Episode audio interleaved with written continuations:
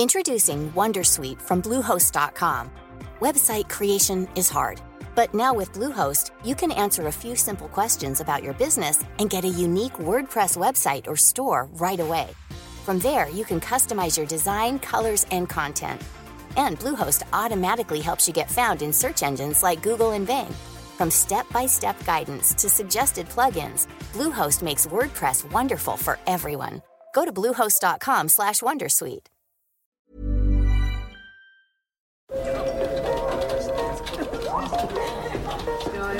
Dette er lyden av norsk næringsliv. Akkurat nå tas det små og store valg som kan bli avgjørende for fremtiden.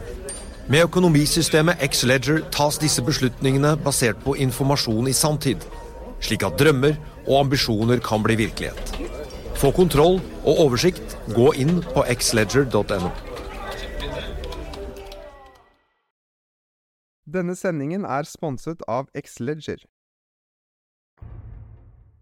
Velkommen til Økonominyhetene. I dag skal vi se nærmere på Asia-børsene. Vi skal også få en oljepriskommentar fra Helge Martinsen, oljeanalytiker i DNB Markets, før vi går til Oslo Børs, hvor Roger Berntsen, analytiker i Nordnett, forteller oss hva som er hovedpunktene. Vi skal også gi dere en fersk koronaoppdatering, men først skal vi se kort på hva Wallstred endte på mandag kveld. Dow Jones steg 1,5% Det gjorde også SMP 500, mens Nasdaq endte opp 1,2 vi skal høre at Amazon ber arbeidere returnere til jobb eller be om permisjon. Yeah, so pretty early on in the, the crisis, Amazon said workers could stay home without pay. Actually, uh, if they felt you know insecure had to take care of kids, any other reasons, that's going to end uh, next week, and it's got a lot of people worried. Um, I think many people just don't have uh, alternatives at this point, and you know, as uh, COVID cases spread around Amazon's network, there have been some folks who have said, uh, you know, Amazon hasn't done enough to protect its workforce, and so some folks are just uh, frankly afraid to return to work, um, even if it means getting a paycheck again. Så til Asia, hvor det var blandet stemning tirsdag morgen. I Japan endte Nikki 225 ned 0,2% mens den bredere Topix falt 0,01 Hang Seng i Hongkong steg imidlertid 0,9% Det gjorde også CSI 300 i Kina. Og så skal vi over til oljeprisen, som fortsetter å være under press tirsdag morgen. Vi ser at Brentollen ligger eh, over, eh, eller rundt 19 dollar fatet, mens VTI-en er nede på 11 dollar fatet. Vi skal høre hva Helge Martinsen, oljeanalytiker DNV Markets, kan fortelle oss om utviklingen her. Nok en rød dag i oljemarkedet. Brent førstemånedkontrakten var ned 1,5 dollar, stengte under 20 eh, dollar og fortsetter ned på morgenkvisten. WTI første måned. Enda tøffere, ned eh, over 4 dollar eh, til under 13 dollar, altså 25% fall i går, og fortsetter ned eh, på morgentimene nå. Hovedgrunnen til fallet er bl.a. at denne store olje-ETF-en, US Oil Fund, bestemte seg for å gå helt ut av førstemånedskontrakten. Og denne har nå endret investeringsstrategi fem ganger de siste to ukene. Og det er jo da for å minimere det vi kan kalle en negativ roll yield, altså kostnaden ved å rulle kontraktene, og eh, å minimere risikoen for å oppleve negative priser. Så de flytter seg lenger og lenger ut på kurven. I tillegg så har selvfølgelig da WTI et problem i Cushing, som er prisingspunktet. Vi forventer at oljelagerne i Cushing er i fare for å bli fulle i løpet av slutten av neste uke. På Brent så vil det være kontraktsrulling eh, på torsdag, hvor junikontrakten går av, julikontrakten kommer på. Det er prisforskjell på ca. 3 dollar i positiv retning på disse kontraktene, så det vil gi et lite oppløft på prisen på skjermen. Vi forventer ikke noen nedsmelting av Brent-kontrakten i forkant av rull, fordi at du har mulighet til å settle cash, trenger ikke fysisk levering, og Brent er sjøbåren med mye høyere fleksibilitet med hensyn på geografi. Eh, når det er sagt, så er det sånn at disse kontraktrullene påvirker ikke prisen i det fysiske spotmarkedet. Så denne Dated Brent ligger fortsatt da rolig, og, og, priser nå på rett under 14 eh, dollar per fat. Eh, så hvis vi tenker på hva som kommer i perioden foran oss, så vil det fortsatt være nedsidepress på, på oljepris så lenge oljelagrene fortsetter å stige. Og som vi har sagt mange ganger før, vi ser risiko for at globale oljelager eh, stanger i taket i løpet av mai måned. Så det medfører at nedsiderisikoen fortsatt er til stede.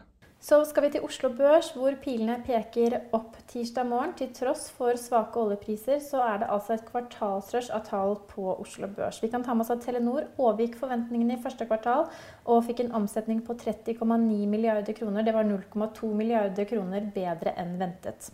Self Storage Group utvidet eh, kapasiteten med 20 000 kvm i fjor, og driftsinntektene økte med 28,1 millioner, mens resultatet etter skatt endte ned 15,6 millioner kroner.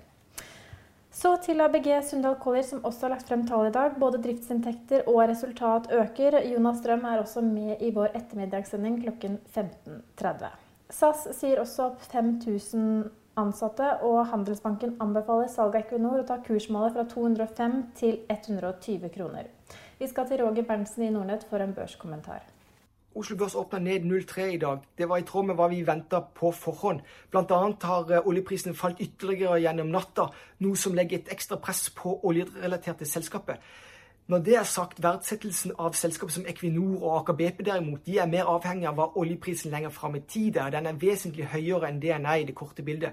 I det korte bildet så er det overtilbudet som dikterer premissene. Dvs. Si at det produseres for mye olje i dag, og denne oljen finner ikke veien fram til disse strategiske lagrene. Det er praktiske årsaker til det. I tillegg skal en huske på det at en del av disse oljekontraktene der ute de eies av spekulanter. Det kan være hedgefond, privatpersoner, investeringsselskaper som ikke har intensjon om å ta levering på eh, den fysiske oljen. Og de kan komme i en spillteoretisk eh, pressa situasjon i det korte bildet. Ellers er det også sånn at impulsene fra Asia i natt de var heller ikke gode, altså relativt flate. Ellers er det jo òg resultatsesongen som har blitt sparket i gang for fullt eh, i verden, og også i Norge, som er det som, litt, eh, som, som skaper litt spenning eh, i markedet. I dag var det Telenor her hjemme. De leverte isolert sett bedre enn venta, men de guider ned på, eh, på, eh, på resten av 2020. Eh, noe som gjør at det blir relativt balansert kvartal. Ellers er det sånn at i USA så er det flere av de store tunge, bl.a. Eh, Apple, Microsoft, eh, uh, 3M og Tesla. Eh, selskapet som leverer tall i denne uka. Det er noe som investoren vil være opptatt av og kan påvirke markedet i den ene eller andre retninga. Og avslutningsvis vil jeg bare nevne det at det er sentralbankmøte i Fed og i ECB. Der venter vi selvfølgelig at eh, sentralbankene kommer til å stimulere og sørge for at markedet blir vel eh, eh, blir behandla vel i, eh, i, denne situasjonen, mens verden nærmest står stille. Og så er det jo en kjensgjerning det at aksjemarkedene generelt de har løfta seg betydelig for bunnen i mars måned. Det betyr at investorene tror og håper på at det verste er unnagjort i forhold til økonomisk svikt. Eh, det verste er undergjort i løpet av 2020. Så det blir spennende å se hvem som får rett. Men enn så lenge så er jo som det generelle bildet relativt positivt. På kort sikt, akkurat i nuet, så er det jo som den pressa oljeprisen som dikterer litt av premissene for Oslo Børs. Så til en fersk koronaoppdatering. Vi ser at det nå er 7599 personer som er testet og bekreftet smittet. Vi vet at det er 125 innlagt på sykehus og 205 døde. WHO sier likevel at pandemien ikke er over, og det kan fortsette å spre seg. As lockdowns in Europe is with declining numbers of new cases, we continue to urge countries to find, isolate, test, and treat all cases and trace every contact to ensure these declining trends continue. But the pandemic is far from over. I repeat, the pandemic is far from over. WHO continues to be concerned about the increasing trends in Africa, Eastern Europe, Latin America, and some Asian countries. Vi er tilbake i ettermiddag klokken 15.30 med Trygve Hegnar. Da vil vi også få et intervju med sjefen i ABG Sundal Collier, Jonas Strøm. Følg med på vår løpende nyhetsdekning på finansavisen.no, og morgenoppdateringen er tilbake i morgen tidlig klokken 10. Denne sendingen er sponset av Xleger. Økonominyhetene er en podkast og videoproduksjon fra Finansavisen. Programleder er Marius Lorentzen. Aksjekommentator er Karl Johan Molnes. Produsent er Bashar Johar. Podkast- og videoansvarlig er Marius Mørk Larsen. Og ansvarlig redaktør er Trygve Hegnar.